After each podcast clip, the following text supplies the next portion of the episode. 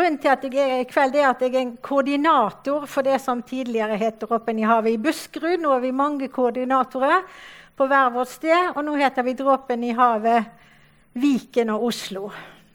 I kveld ønsker vi velkommen til et informasjonsmøte om det arbeidet som vi i Dråpen i havet gjør. Og hvorfor vi gjør det.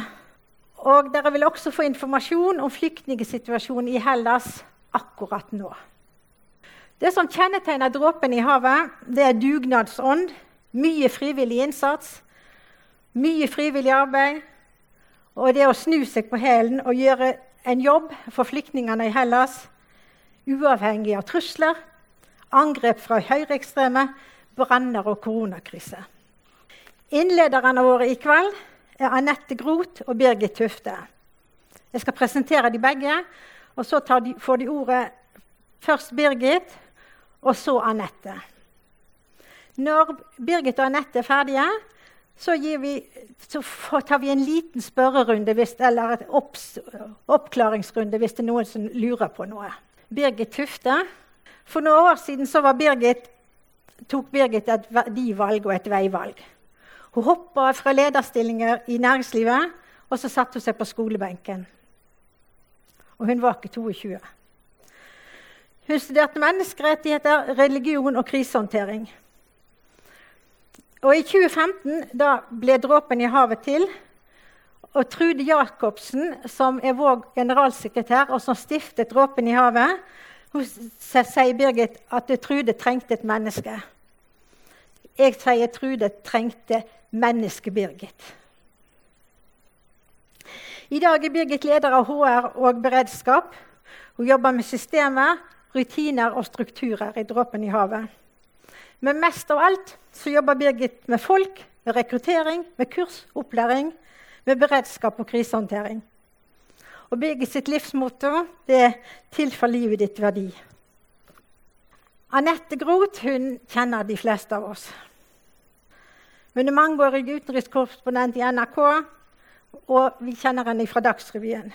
Et kjent ansikt og en kjær stemme i årevis i NRK. Hun trenger ingen lang presentasjon. Men det vi kanskje ikke alle vet, er at Anette også har skrevet bøker. Og Den siste tittelen 'Det finnes ikke fremmede, bare venner du ikke har møtt'. Og det, og det er en historie fra den irske øya. Og bare tittelen, tenker jeg, 'Det finnes ikke fremmede, bare venner du ikke har møtt', det sier litt om Anette. Og det sier også antagelig litt om det Anette sitt menneskesyn, og hvorfor hun har vært frivillig uh, for dråpen i havet i Hellas. Og det er det hun skal fortelle oss om i kveld. Så da, Birgit, får du ordet først. Og så etter det kommer Anette, og så tar vi en liten spørsmålsrunde. Takk. Turid, vi prøver igjen. Fordi vi skulle egentlig ha vært her for uh, i mars. vi. Da var planen at da skulle Turid og jeg ha informasjonsmøte her. Men uh, vi vet jo alle grunnen til at ikke vi ikke kunne være her i mars. Um, så derfor så er jeg veldig glad for at vi får prøve igjen på nytt. Det som er litt synd, da Jeg kunne ikke bruke det foredraget jeg hadde lagt opp til å ha i mars.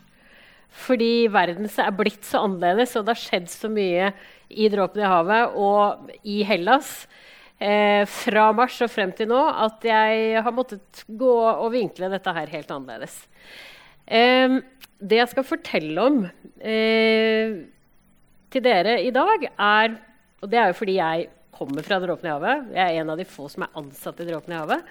Eh, og da er det viktig for meg å formidle eh, hva vi har gjort siden mars og frem til nå. Eh, og det er ikke det vi alltid pleier å gjøre. Det har vært veldig veldig, veldig unormalt. Så det kommer jeg til å vise dere. Eh, jeg kommer også til å fortelle dere hvordan korona har preget arbeidet vårt. Hvordan smitteutviklingen har vært i Hellas fra mars og frem til eh, klokka fem i dag. Eh, alle er jo kjent med brannen i Moria. Jeg kan jo ikke la være å snakke om det. Eh, og eh, jeg kommer til å si litt om Eller ikke litt, men jeg kommer til å fortelle helt avslutningsvis hva Dråpen i havet gjør akkurat nå. hvor vi er i Hellas, og hva vi jobber med. Eh, det jeg trodde jeg skulle si for to dager siden, det kan jeg ikke si, fordi situasjonen forandrer seg så ekstremt fort. Så vi, vi, vi sier på krisespråket at vi overvåker situasjonen kontinuerlig. Eh, og det er virkelig det vi gjør. Klokka er eh, halv fem. Det er en lørdag natt. Jeg sitter inne på en leilighet i Mytilini sammen med en av våre koordinatorer på Lesvos. Vi har for tiden fire koordinatorer på Lesvos. Tre av de stakk av gårde på ettermiddagen for å hjelpe en del helsearbeidere inne i Moria flyktningleir for å få de ut fordi de følte seg truet. Og de kom seg ikke ut på egen hånd. Så våre tre koordinatorer bestemte seg for at de hadde lyst til å dra inn til Moria for å hjelpe dem, for å prøve å få dem ut. Eh, og vi, hva vil de få dem ut fra? Jo, eh, de var truet av lokalbefolkning og høyreekstreme eh, som eh, var ekstremt voldelige. Situasjonen på Lesvos bygget, hadde bygget seg opp over to uker. Eh, vi hadde et senter i Moria landsby som vi ble truet vekk fra eh, fra høyreekstreme. Og vi var blitt fanget inne i dette senteret i flere timer eh, når det man sier mobben holdt på på utsiden.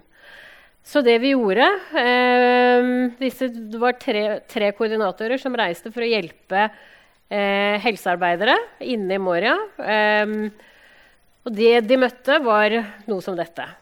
Eh, knuste bilruter. De følte på dødsangsten eh, alle sammen. Og vi var to stykker som satt inne i en leilighet. Sent, altså Vi var jo våken to døgn på rad. Eh, det var et annet team med, med frivillige som hadde funnet ut at vi skal redde både disse dråpene, men også disse helsearbeiderne for å komme seg ut. Fordi det var helt umulig å komme seg ut fra landsbyen. Det var, de Høyreekstreme hadde laget blokader overalt. De var, de, de var, virkelig, virkelig truende. Politiet hadde kommet til oss og sett på oss og sagt at ja, men dere lever jo, så hadde de dratt.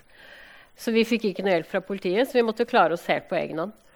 Vi var blitt gitt en app med noen koordinater, så vi fulgte koordinatene på, de, på denne bilen hele veien, helt til de kom til leiligheten. Um, og det som skjedde de, Våre tre koordinatorer de kom seg vel hjem. Vi hadde en debrief med en gang de kom hjem. Uh, de gikk og la seg, og så begynte vi å jobbe uh, neste dag. Og hva jobbet vi med? Jo, vi jobbet med å sikre de feltarbeiderne vi hadde på Lesvos. Eh, og det som er dråpen i havet sin oppgave når sånne situasjoner skjer, det er å ivareta sikkerheten til våre feltarbeidere. Dessverre så kan vi ikke ivareta sikkerheten til de som den gang var 25 000 inne i Moria. Det er ikke vårt ansvar. Som organisasjon så er det vårt ansvar å trygge sikkerheten til de frivillige. Så vi bestemte oss ganske raskt, fordi situasjonen ble verre og verre og mer og mer krevende. Eh, så vi bestemte oss ganske raskt at vi skulle hjelpe alle våre folk til å evakuere fra, Moria, fra Lesvos. Så fra disse ble angrepet, til vi alle sammen var eh, på flyet fra Moria, så tok det to døgn. Eh, alt var frivillig. Vi sa til dem at vi anbefaler sterkt at dere reiser, for det er farlig å være her. Og alt tilså at det, være, at det var farlig å være der. Så det var én som valgte å bli igjen, men ellers så dro alle sammen. Så um, dro jeg videre fordi jeg var tilfeldigvis i, i Hellas. Eh, og, og, på Lesvos akkurat da dette skjedde. Så min eh, reiserute var at jeg skulle videre til Samos. For der hadde også Dråpen i havet aktivitet. Så dro jeg til Samos. Og så har jeg møte med koordinatorene på kvelden. Og så er det en eller annen som får en melding.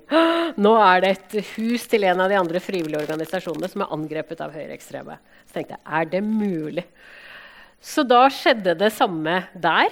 Eh, så hadde vi et møte på morgenen hvor vi evaluerte og overvåket situasjonen eh, og konkluderte med at det var ikke trygt å være på Samos heller. En av våre, eller våre folk de var blitt eh, lagt merke til av høyreekstreme som har en egen lukket gruppe. og så hadde de hatt bilde av dem, sånn at alle skulle vite hvem det var som var hjelpearbeidere. Så vi bestemte oss også da å, å reise og dra fra Lesvos med de aktivitetene vi hadde der. Um, på veien hjem på et fly så var det en av koordinatorene som fikk, ble smittet av korona. Men på Lesvos det var ikke korona som gjorde at vi dro fra Lesvos i mars. Og da snakker vi 5. mars. Det var de høyreekstreme som gjorde det. Det var trusselbildet som gjorde at vi måtte reise fra Lesvos. Så alle våre folk de dro derifra. Um, og jeg dro hjem. Og så kom jeg kom hjem 10. mars, og dere vet jo hva som skjedde 12. mars. Og da stengte jo alt. Så da måtte jo vi omrokere absolutt alt. Ikke bare fordi vi driver fra Norge, men også hele Europa stengte jo ned omtrent 12.-13. mars. Så de av våre koordinatorer som ble evakuert fra Moria og Lesvos, de dro til Aten. Der, de, der fikk de grundig debrief én til én og som gruppe. Og det samme gjorde alle de frivillige. Eh, men de kom seg jo ikke tilbake igjen til Lesvos. Det var det korona som var eh, forklaringen på. Eh, og det, som, det vi opplevde, da, det var én ting var at dråpen i havet reiste eh, med våre, vårt personell. Det som var vondt, det var jo å oppleve at vi dro fra alle de som var så avhengige av vårt arbeid. Det var veldig, veldig, veldig krevende. Det første vi gjorde eh, da vi fikk samlet oss 12. mars, det var å begynne å tenke og begynne å planlegge eh, og begynne å informere. Eh, vi hadde veldig mange frivillige som var på alle lokasjonene våre. Vi hadde veldig mange frivillige som var sånn som sier, i loopen, som var på vei til Hellas. Alle disse eh, måtte stoppes. De som var i Hellas, de fikk beskjed om å reise hjem. De aller fleste valgte å dra hjem. Eh, det er rundt 30 stykker. Men det var noen som, spesielt italienere, de sa vi drar ikke hjem, vi blir heller i Hellas. Så de valgte å bli i Hellas, og de ble der liksom under hele perioden. Eh, og så var det nærmere 100 personer som hadde bestilt jeg, jeg kaller det bestilt, det er en tur, eller som hadde bestemt seg for at de skulle reise med dråpen i havet frem til sommeren. De valgte å Eller de, vi bestemte at de ikke kunne få lov til å dra fordi eh, situasjonen med korona var såpass krevende.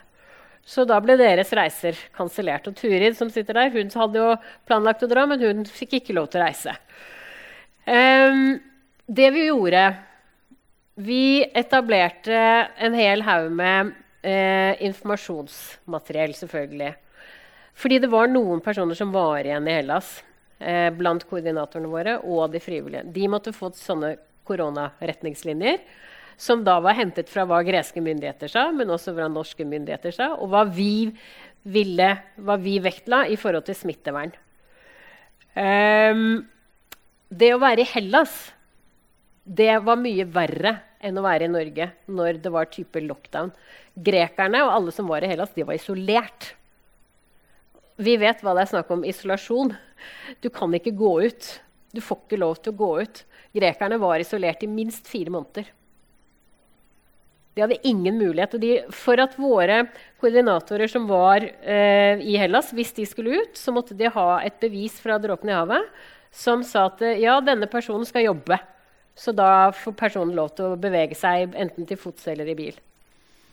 Det var eneste måten at de kunne komme seg ut av uh, leilighetene sine og husene sine på.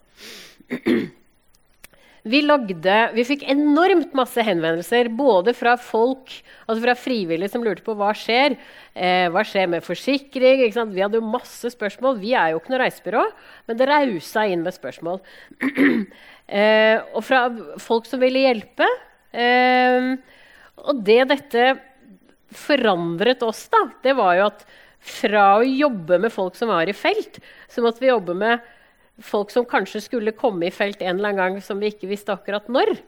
Så det begynte med at vi kansellerte alle turer frem eh, to måneder. Men det gikk ikke lang tid før vi skjønte at vi kansellerer alt ut året.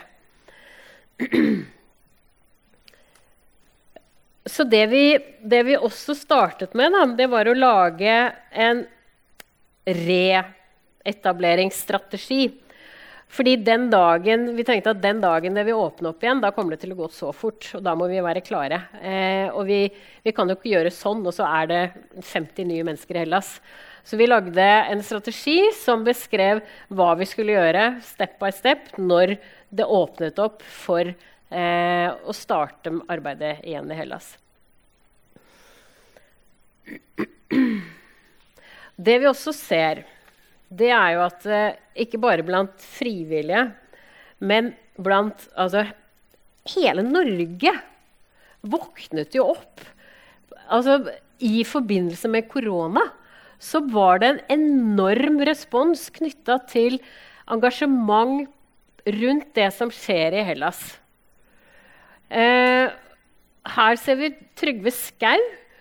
Men jeg tror jeg må ha på meg brillene for, å, liksom for, å, få med alle som har bidratt. Altså var, jeg mener Jan Eggum var en av de første som gikk ut med en sånn livestream-konsert hvor han streamet og folk kunne vippse eh, penger til Dråpen i havet. Eh, det var Åse Kleveland, Lars Klevstrand, Jonas Alaska, eh, Modi Eh, og så var det en egen festival på Kosmopolit ble, hvor det var massevis av artister. Tellefsen, Anita Skorgan, eh, Knut Reiersrud, Sivert Høyem, Ane Brun, May-Britt Andersen, Kari Svendsen og med Håvard Bakke som eh, konferansier. Det, det, var en egen, egen Dråpen-festival som gikk over en helg. Hvor da disse stilte opp og eh, samlet inn penger. Og det var helt vi, vi, vi, altså, vi satt bare sånn. Det var helt utrolig, det engasjementet og det som skjedde. Helt, helt, helt enormt. Massevis av spennende eh, private initiativ. Og vi ser jo Han her da, han har jo laget en sang som heter 'Sola over Moria'. Den må dere google eller, eller finne på Spotify. Det er en nydelig sang. Eh, Arve Tellefsen har gitt oss musikk. Det er Eh, og det er mange andre som har donert eh, sine. Og vi har jo en artist her i kveld som kommer til å, til å bidra oppi det hele. Så det, bare det var sånn vi var, vi var, ikke forberedt på at det ville bli et så utrolig stort eh, engasjement. Ikke bare musikere, men også eh, alt mulig annet rart. Det var masse initiativ. Fra innsamlingsaksjoner, eh, bursdagsinnsamlinger, til eh, disse verdens minste kommentatorboks, Mikkelsen og hva heter han andre? Eh, Berntsen. De hadde en sånn gaming-variant eh, hvor de samla inn penger for Dråpen i havet. Jeg er for gammel til sånt, men eh, de trakk veldig mye unge, altså folk som liksom liker sånne ting. Eh, så det var kjempekult.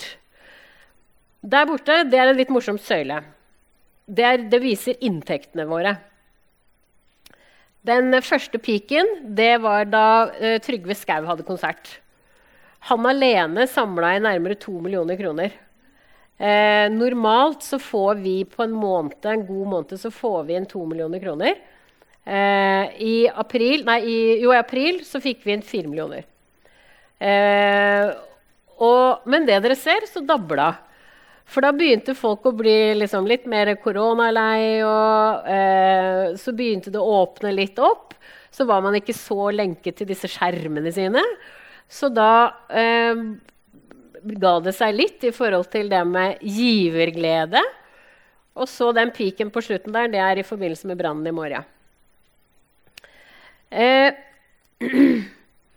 vi har også eh, i tillegg til alt det av engasjement som er kommet sånn av seg selv, så hadde Dråpen i havet også noen helt konkrete aksjoner i, eh, hvor vi samlet inn penger i forbindelse med koronaperioden. Eh, og det var, Vi, hadde, vi samla inn penger til bleier. det er alltid et kjempestort behov. For vi kjøper bleier og distribuerer bleier til barn.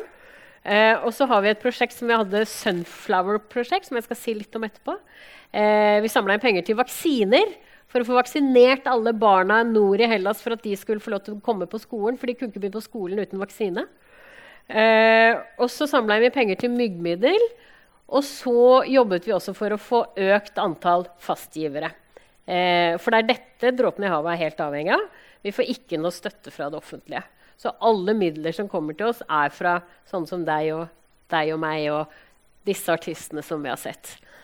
Og vi er helt eh, Vi må bøye oss i støvet Eller bøye oss i hatten og ta av støvet, eller hvordan det heter. For å, fordi dette har vært helt, helt, helt magisk. Det vi gjorde med disse pengene umiddelbart, eh, det, var, det, var, å kjøpe medisinsk utstyr. Vi brukte eh, mye over en million til eh, umiddelbart å kjøpe medisinsk utstyr for å eh, forhindre smittespredning. Det er alt fra munnbind til desinfeksjon, eh, til masker, til hansker. Og de vi ga disse, dette utstyret til, det var sånn som til Leger uten grenser, til en helseklinikk inne i Moria. Eh, vi ga det til sykehuset eh, på Lesvos. Vi ga det til og med til politiet på Lesvos. Eh, og vi ga det til flere andre humanitære organisasjoner som tok imot det som måtte komme av båter, selv om det kom veldig, veldig lite. Eh, og vi ga også mye til eh, befolkningen på Samos. Eh, vi sørget også for laken, fordi det, brett, det, var skabb. var også noe som begynte å utbre seg. Så eh, det var også en del av de pengene som vi brukte med en gang. Så skal jeg si litt om hvordan smitten har spredd seg. Eh, for det her er ganske interessant. Vi vet alle sammen at vi stengte jo eh, verden og Norge og Europa i mars. Første smittetilfelle i Hellas, eller der, hvert fall der hvor eh, ja, Første smittetilfelle i en flyktningleir i Hellas, det kom i april. I juni så var det ett utbrudd av korona i Nea Kavala, der hvor vi jobber. Men det gikk veldig fort over. og Det var ingen flere som ble smittet. Eh, så så liksom eksploderte det i nyhetene. da. 1.9. Da ble første smitte på Lesvos og i Moria oppdaget. Eh, og da, etter det, så rullet det på seg. Så sånn som situasjonen er fra eh, 1.9. på Lesvos, og frem til i dag så er det nå i den nye leiren på Lesvos rundt 250 personer som er smittet. Så det har skjedd altså på en måned. Så har det, så har det vært så stor økning. Eh, sånn som i de to andre stedene hvor vi jobber, i Aten og i Skaram, eh, nord i Hellas, så har det vært veldig veldig liten smitte frem til akkurat nå de to siste ukene. Så nå er det økende smitte både i Aten og eh, nord i Hellas. Det er 14 nord i Hellas og 10 i Aten. Som, og vi har veldig strenge smittevernregler, og vi trekker oss ut eh, når det kommer smitte til en leir. Men så blir vi bedt om å hjelpe til, og da er det jo med fullt smittevernutstyr, selvfølgelig. Eh, men det er ekstremt krevende å jobbe under for feltarbeiderne våre. Det vi vet, er at eh, de som bor i disse leirene, de er ikke flinke til å beskytte seg. De er ikke godt nok isolert når de eh, har fått påvist smitte. Så de eh, bor i sin isoboks eller i sin container sammen med familien sin med smitte. Men noen steder har de valgt å lage isolasjonssentre. Så sånn som i, Mo, i Karatepe, som den nye leiren på Lesvos nå heter, eh, der har de laget et eget isol isolasjonssenter hvor man ikke kommer inn og ikke kommer ut for de som er smittet. Eh, det som også skjedde eh, I mars så fikk befolkningen i Moria, det er jo den største leiren, de fikk ikke lov til å gå ut eh, av leiren pga. frykt for smitte og spredning. Eh, så de ble helt holdt inne. Eh, og så løstet de litt opp, eh, fordi de så at det var ikke så mye smitte. Men så begynte det å komme smitte. Så stengte de absolutt alt. Noe som også betød at dråpen i havet måtte ut helt og holdent. Og vi fikk ikke tilgang, vi fikk ikke lov til å komme inn til leiren. Eh, det første dødsfallet i Hellas det kom for to uker siden eh, blant flyktningene. Eh, så skal jeg fortelle dere litt om det vi gjorde før, eller mens vi ikke var til stede i Hellas. Så eh, det var mange som reiste hjem. Eh, en del av koordinatorene de dro til hjemlandet sitt, men de fortsatte å jobbe. Og de, lagde, de dokumenterte ting, de lagde rutiner osv. Og, så og på hver lokasjon så hadde vi én koordinator som faktisk var inne i flyktningleirene hver eneste dag og drev helt alene med distribusjon. Eh, og vi hadde også aktiviteter eh, online-prosjekter eh, som ble drevet hjemmefra. Um, helt på slutten av mai Da først kunne vi dra tilbake igjen fra Aten til Lesvos. Da åpnet de greske myndighetene for mulighet til å reise innad i Hellas uten at du måtte i karantene. Så fra mars til mai så var det da noen koordinatorer som befant seg i Aten, men så reiste de da over til, til Lesvos og begynte å jobbe. Eh, og de var to koordinatorer der da alene eh, i, flere, i lang, lang tid. Men det de gjorde, eh, det første de gjorde, det var å eh, gå inn og jobbe med de enslige mindreårige. Eh, for der hadde vi aktiviteter, noe som vi hadde drevet med tidligere. Eh, og de gjenopptok de aktivitetene. De lagde aktivitetspakker eh, som de delte ut til barna. Eh, de, eh, de distribuerte også i forbindelse med det som hadde med skabb å gjøre, eh, klær til de nyankomne. Og i de andre stedene. Altså det, er, det, er, en så lang liste over ting som er blitt gjort. Vi har eh, fra pengene som er kommet inn. Vi har hatt ramadan-distribusjon i eh, de sto, store leirene på fastlandet. Vi har distribuert mat ukentlig. Vi har distribuert hygienepakker ukentlig overalt. Med én person, men med utrolig stor støtte og utrolig stor hjelp fra eh, beboerne i den leiren hvor de har distribuert. Um, og det som er veldig veldig utfordrende, er selvfølgelig det med smittevern hele tiden.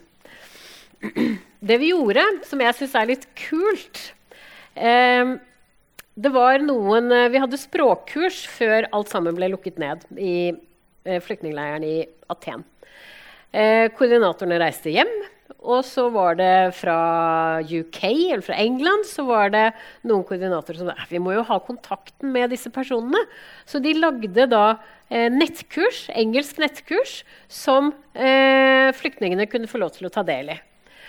Og så hadde vi et prosjekt hvor barn i England spesielt kunne få lov til å tegne og kunne gi penger, som igjen resulterte i øremerkede gaver til flyktningene som var i leiren i Aten, som er type aktivitetspakker for, for, småbarn og for skolebarn og for tenåringer, som de kunne bruke eh, når de var innelåst i, i, i konteinerne sine. Eh, i Moria så var det også eh, de enslige mindreårige som særlig fikk aktivitetspakker som vi ga til dem. Eh, så Det som skjer da, er eh, Vi kan åpne opp igjen. Og det skjer i juni. Så har vi muligheten til å komme tilbake igjen og åpne opp, eh, spesielt i Moria men også eh, de andre stedene. Og da startet vi både med å rekruttere frivillige, vi startet med å rekruttere koordinatorer. Uh, og vi gjenopptok aktiviteten sakte, men sikkert fordi det så ut til at det kom til å løsne knytta til det med korona, og at spredningen ikke var så stor. Og dette var i, juni, i juli. Uh, og det holdt på godt og vel ganske så lenge. Uh, med godt smittevern med masse aktiviteter. Og med sakte, men sikkert bygge, oppbygging av det frivillige teamet vårt. Men så skjer jo dette. Dette er brannen i Moria. Eh, og det som skjedde, var at eh, Dere har helt sikkert fått med dere alt det som har skjedd, så jeg behøver ikke fortelle hvor mange mennesker osv. Men når man skal se på liksom, dråpen i havet sin innsats, så fra mars til juli så var vi borte. Og så kom vi tilbake i juli. Eh, og så var vi der i, i, Hellas i juli og august. Så skjedde brannen. Eh, og så, etter hvert nå i september, så har alt blitt lukket igjen pga. utbrudd av korona. Så det er frem og tilbake og rykk tilbake til start. Eh,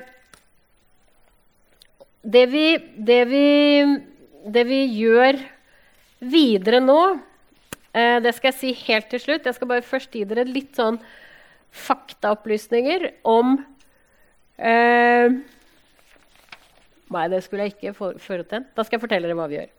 Så får dere fakta etterpå. Eh, vi vet ingenting om fremtiden. Eh, vi vet knapt nok hva som kommer til å skje i morgen. Det vi vet, er at Dråpen i havet er blitt ekstremt forandret som organisasjon. Både knytta til eh, Moria-brannen, for der ble jo hele vår virksomhet avviklet. Eh, I forhold til at greske myndigheter legger mye strengere krav på frivillige organisasjoner med tanke på registrering, eh, men også i forhold til smittevern. Så, så det å være feltarbeider i dag er ikke det samme som å være feltarbeider i januar i år. Nå er kravene til en feltarbeider helt helt annerledes. Man må binde seg i fire uker, du må være i karantene. Eh, må, og, der, og, vi intervjuer alle feltarbeiderne. Eh, I tillegg så, det, så, må man gjennom en lang registreringsprosess. Så der hvor vi var den gangen hvor uh, Trude og Anette og Turid sto på strendene og tok imot båter, da kunne vi bare si 'Kan du reise?' Så dro folk i går. Men sånn er det ikke lenger. Nå bruker man mye mye lengre tid på å få folk til å komme seg til Hellas. Og det er mange, mange forklaringer på det. Eh, det, er mye, det, er mange måter å bidra på. Eh, det er selvfølgelig å komme på møter som dette her, engasjere seg i de lokallagene som fins i Norge. Eh, men også følge med på nettsiden vår om vi har noe behov for noen folk som kan jobbe administrativt, f.eks., og også det å samle inn penger. Det vi gjør i dag eh, Dette er det jeg vet at vi gjør akkurat i dag. På Lesvos da, så har vi fått fra FN, eller Høykommissæren, UNHCR, de har gitt oss i oppdrag å starte et uh, vaskeri uh, på Lesvos. Uh, og det skal ikke være inne i selve leiren, fordi i leiren så er det ikke vann. Så vi, må, vi, må, vi har en kjempestor logistikk eh, når vi skal vaske klær for 8000 mennesker. Eh, det er ikke oppe og står ennå, men det er det vi jobber febrilsk med i disse dager. Så nå rekrutterer vi frivillige som kan bistå på vaskeriet. Eh, og de må reise til Lesvos så snart som mulig. De trenger vi med en gang. I tillegg til det så, skal, så har vi også sammen med Unicef fått i oppdrag å jobbe med kvinner og barn. Ha et sånn type rekreasjonssenter eh, inne i den nye leiren som heter Karatepe.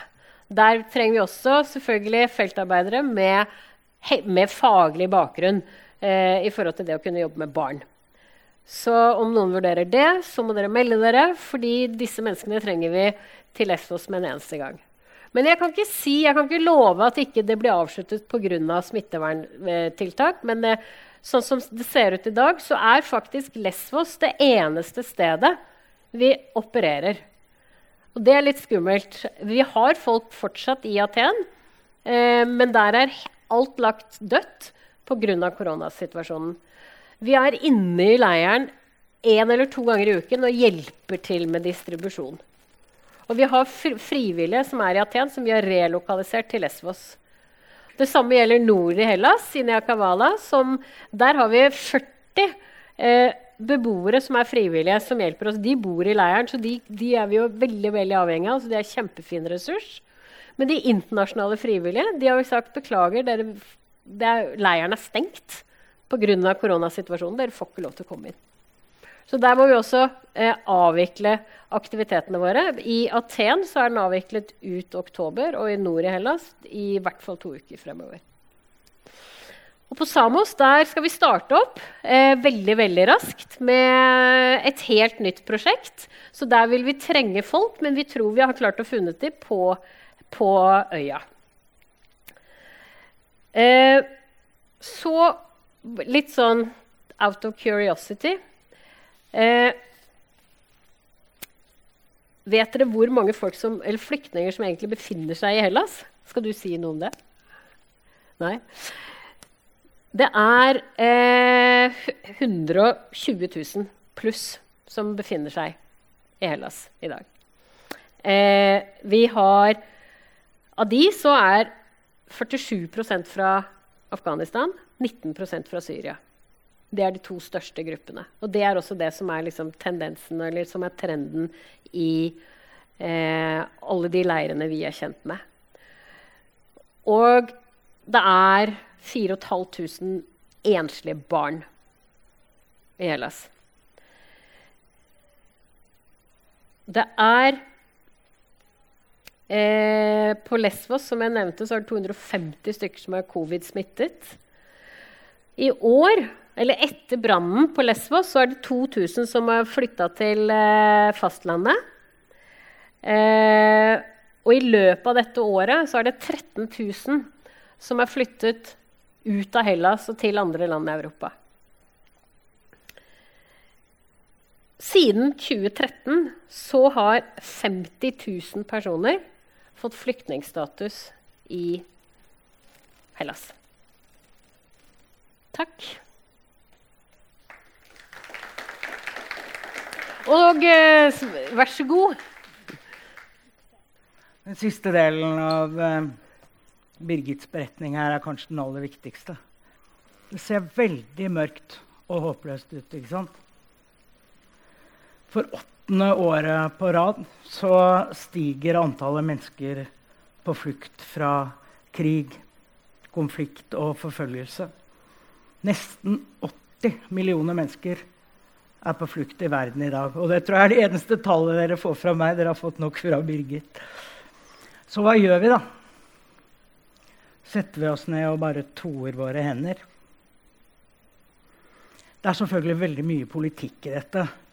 Hvem er reelle flyktninger? Hvem er migranter som drar nordover for å finne et bedre liv?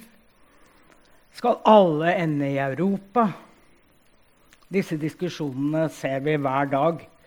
Eh, og nå har vi et statsbudsjett som også pirker borti dette. Eh, meningene er mange. Jeg har ikke tenkt å gå inn på politikken i dette. Eh, bare fortelle litt om mine egne erfaringer og om denne helt unike organisasjonen. Det er et treffende navn. En dråpe i havet. Og det er verdt å minne om at ingen kan hjelpe alle, men alle kan hjelpe noen. Og i disse dager Det var hjerteskjærende bilder fra Moria-leiren. Vi har sett mange flere enn de du hadde med, Birgit. Og det er verre enn eh, jeg nesten kan huske. En, dette er en grell påminnelse om hva som skjer når håndteringen av flyktninger som kommer til de greske øyer, er helt håpløs. Og når Hellas ikke får nok hjelp fra andre land, spesielt i EU. For dråpen i havet så handler det da om eh, Hellas. Det er selvfølgelig store flyktningproblemer i andre deler av både Europa og verden, men for dråpen er det altså Hellas. Og det har jo sin spesielle historie. Eh, du nevnte så vidt Trude, generalsekretær Trude Jacobsen, som startet Dråpen i havet i 2015. Hun har jo bodd i Hellas. Hun har uh, halvt greske barn, var gift med en greker. Og så var hun på Lesvos uh, i 2015 og så begynnelsen på en flyktningstrøm som bare har fortsatt med uforminsket styrke. Og Trude tenkte da denne høsten 2015 jeg vil gjøre noe. Jeg må hjelpe grekerne som får dette i fanget. Og hun startet noe så enkelt som en Facebook-gruppe eh, som vokste med rekordfart, og som på kort tid ble til den frivillige organisasjonen Dråpen i havet. Trude brettet opp ermene og satte i gang. Ja, det er kanskje bare en dråpe i havet, men med mange nok dråper av godhet eh, så fylles kanskje havet til slutt. Dagens situasjon er altså verre enn på veldig lenge, men mye er det samme. Og dette er noe av det som jeg tenkte jeg skulle si noe om det som motiverte meg til å gjøre en innsats eh, i årsskiftet 2015-2016. Jeg hadde akkurat gått av med en deilig sluttpakke i januar og hadde dermed litt uh, penger. Og jeg satte i gang å undersøke med hjelpeorganisasjonene, for dette var arbeidet jeg var interessert i. Jeg henvendte meg til Flyktninghjelpen, jeg gikk på kurs der, registrerte meg i databaser etc. Jeg pleier å si at jeg har U som mellomnavn. Utålmodig. Og det tok altså så lang tid og var byråkratisk. Så leste jeg om dråpen i havet og tenkte at dette både kan og vil jeg. Og da gikk det i eh, hurtigtogsfart. Det var helt ubyråkratisk. Jeg tok kontakt. Det er nok mye mer strømlinjet nå, Birgit, sånn som dere driver. Men sånn som vi drev, da var det bare å ta kontakt og si 'jeg vil gjerne'. Uh, ja, hvor vil du dra? Og da holdt de til på en øy som het Kios, hvor det ikke er lenger. De var på Lesbos. Ehm, jeg dro til Kios som koordinator, forfremmet før jeg hadde begynt. Um, hva kom jeg til? Jeg kom altså til Kios der det hver eneste dag kom gummibåter med flyktninger fra Tyrkia. Vi kunne faktisk se over til Skedsme i Tyrkia uh, og så lysene der om natten. Uh, dette er jo da, dette som kom da, det var en del av den største flyktningstrømmen i Europa siden andre verdenskrig. Det var bare å sette i gang. da. Det var ingen hjelpeorganisasjoner der ute ved kysten. De holdt til inne i Kios by. Og uh, vi bare startet å patruljere. Vi hadde vakter døgnet rundt. Og det var jo om natten de kom, da. Så hver eneste natt så var vi ute. Hørte etter om vi kunne høre stemmer ute på havet der. Lyttet. Og stadig Det var en veldig, veldig spesiell stemning. Eh, vi speidet, og eh, ofte veldig mange båter kom. Noen kom inn i havnen i Kios by, det var enkelt. Andre bare kjørte rett inn i fjæresteinene. jeg gjorde meg noen uh, observasjoner. Jeg leste meg opp etter hvert. Jeg kan ikke si at jeg var veldig, veldig belest på dette feltet da jeg kom dit. Og kjente ikke Hellas spesielt godt heller. Men jeg trodde jo at det var veldig mange enslige menn som kom. For det var, det var liksom sånn som vi hadde hørt fra Fremskrittspartiet, og sånn, at det var lykkejegere. Og, og, men hvor feil kan man ta? Det var altså så mange barn og kvinner veldig mange kvinner og barn. Uh, de hadde vært gjennom ufattelige strabaser, mange av dem. Gått lange strekninger med barna på ryggen, ofte i snø og alt slags vær. Jeg var jo der om vinteren.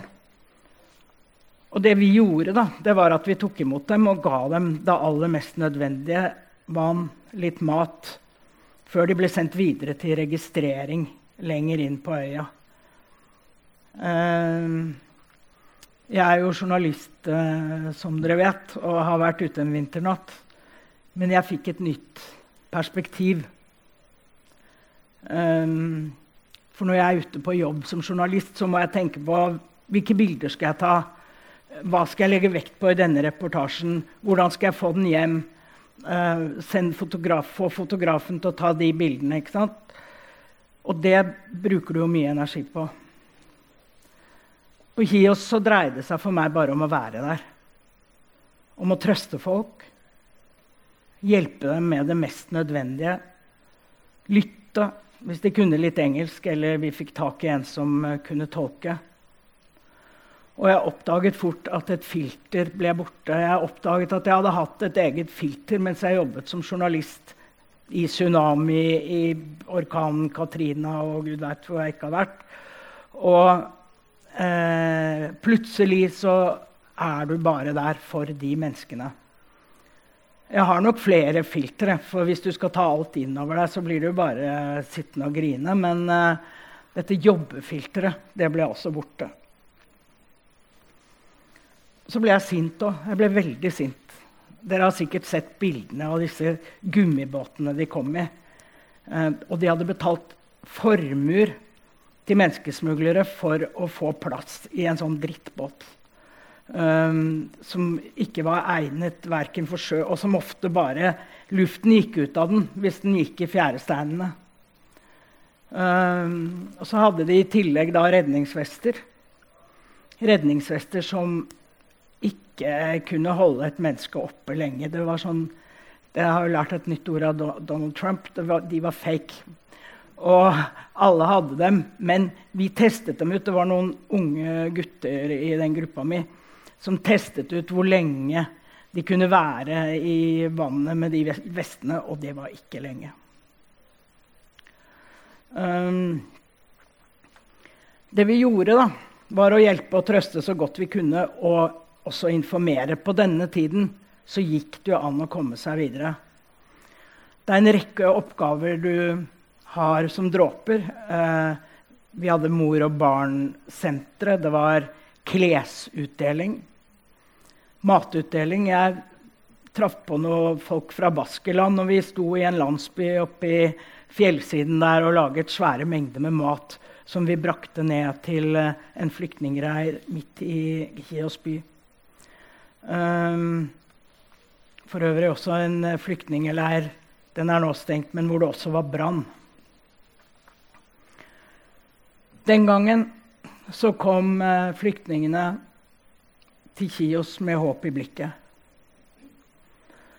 De skulle videre nordover, videre nordover i Europa. De snakket til meg om Tyskland og, og Sverige. og Det var disse landene de gjerne ville til. Men på denne tiden, den siste tiden jeg var der, mars 2016, så stengte grensene nordover. Og det var da leirene i Hellas ble flere, og de ble større. På øyene, ja, både på øyene og i, på fastlandet. Hjelpearbeidet ble mye vanskeligere, og det er det fremdeles. Men det er jo ingen grunn til ikke å fortsette det hjelpearbeidet, selv om det er blitt vanskeligere. EU inngikk en råtten avtale med tyrkerne om at uh, de skulle stanse flyktningene. Og virket, de fikk penger da, for det. Og det virket delvis en stund. Men hele tiden så kommer det da fremdeles nye flyktninger til Hellas. Jeg snakket akkurat med en dame eh, norsk dame som er gift med en greker som bor på Kios, hvor det jo egentlig ikke er noe flyktningleir lenger. Men selv der kommer det båter fremdeles. Grensene er altså stengt nordover. Flyktningene er fortvilte, lei seg, sinte. Men dette betyr altså at de trenger enda mer omsorg og hjelp. Og man må jo bare ikke gi opp, selv om koronaen nå setter en del grenser. Um, ja, nå har jeg mista et ark, tror jeg, men jeg kan sikkert si det uten det. Ja. Um, det er ikke så mye mer jeg skal si. Uh, jeg var altså koordinator i to omganger. Og det var frivillige dråper fra utlandet, og flest fra Norge i min tid. Og det var alle mulige slags mennesker. Det var, helt, det var ungdommer, studenter. Det var et uh, punkete ektepar med en lastebil. Det var pensjonister. Uh, folk som uh, brukte noen uker, kanskje måneder av sitt liv på å gjøre en innsats for andre mennesker. Og jeg må si at For de av dere som har tenkt å reise ut uh, og kanskje gjøre en innsats, så kommer dere i godt selskap. De folkene som jeg var sammen med og var koordinator for i de omgangene jeg var ute, det var førsteklasses folk. Og de var i alle aldre. Fra 25 Det har dere kanskje en sånn nedre aldersgrense nå, men den gangen så bare vi bare dro. 25 år til 70 pluss. Og jeg må si jeg har vært sjef, til og med for Dagsrevyen, men jeg har vært sjef. Og jeg kunne ansatt dem alle sammen. Det var førsteklasses folk. Som var, de hadde empati, de var fantasifulle. Og jeg tror vi alle har hatt glede av å se at vi faktisk kan gjøre noe. Jeg prøvde å finne en uh, definisjon på Eller et, et, synonym til en dråpe i havet, og det var bare sånn for lite og Det er liksom vanskelig å, å å si noe særlig om det, annet enn at det egentlig er for lite. En dråpe i havet. Men én dråpe er altså mer enn man tror. Og den innsatsen som folk har gjort nå i fem år siden dråpen i havet ble startet, og den som forhåpentligvis kommer til å fortsette, også med dere, den er helt, helt, helt uvurderlig. Takk for meg.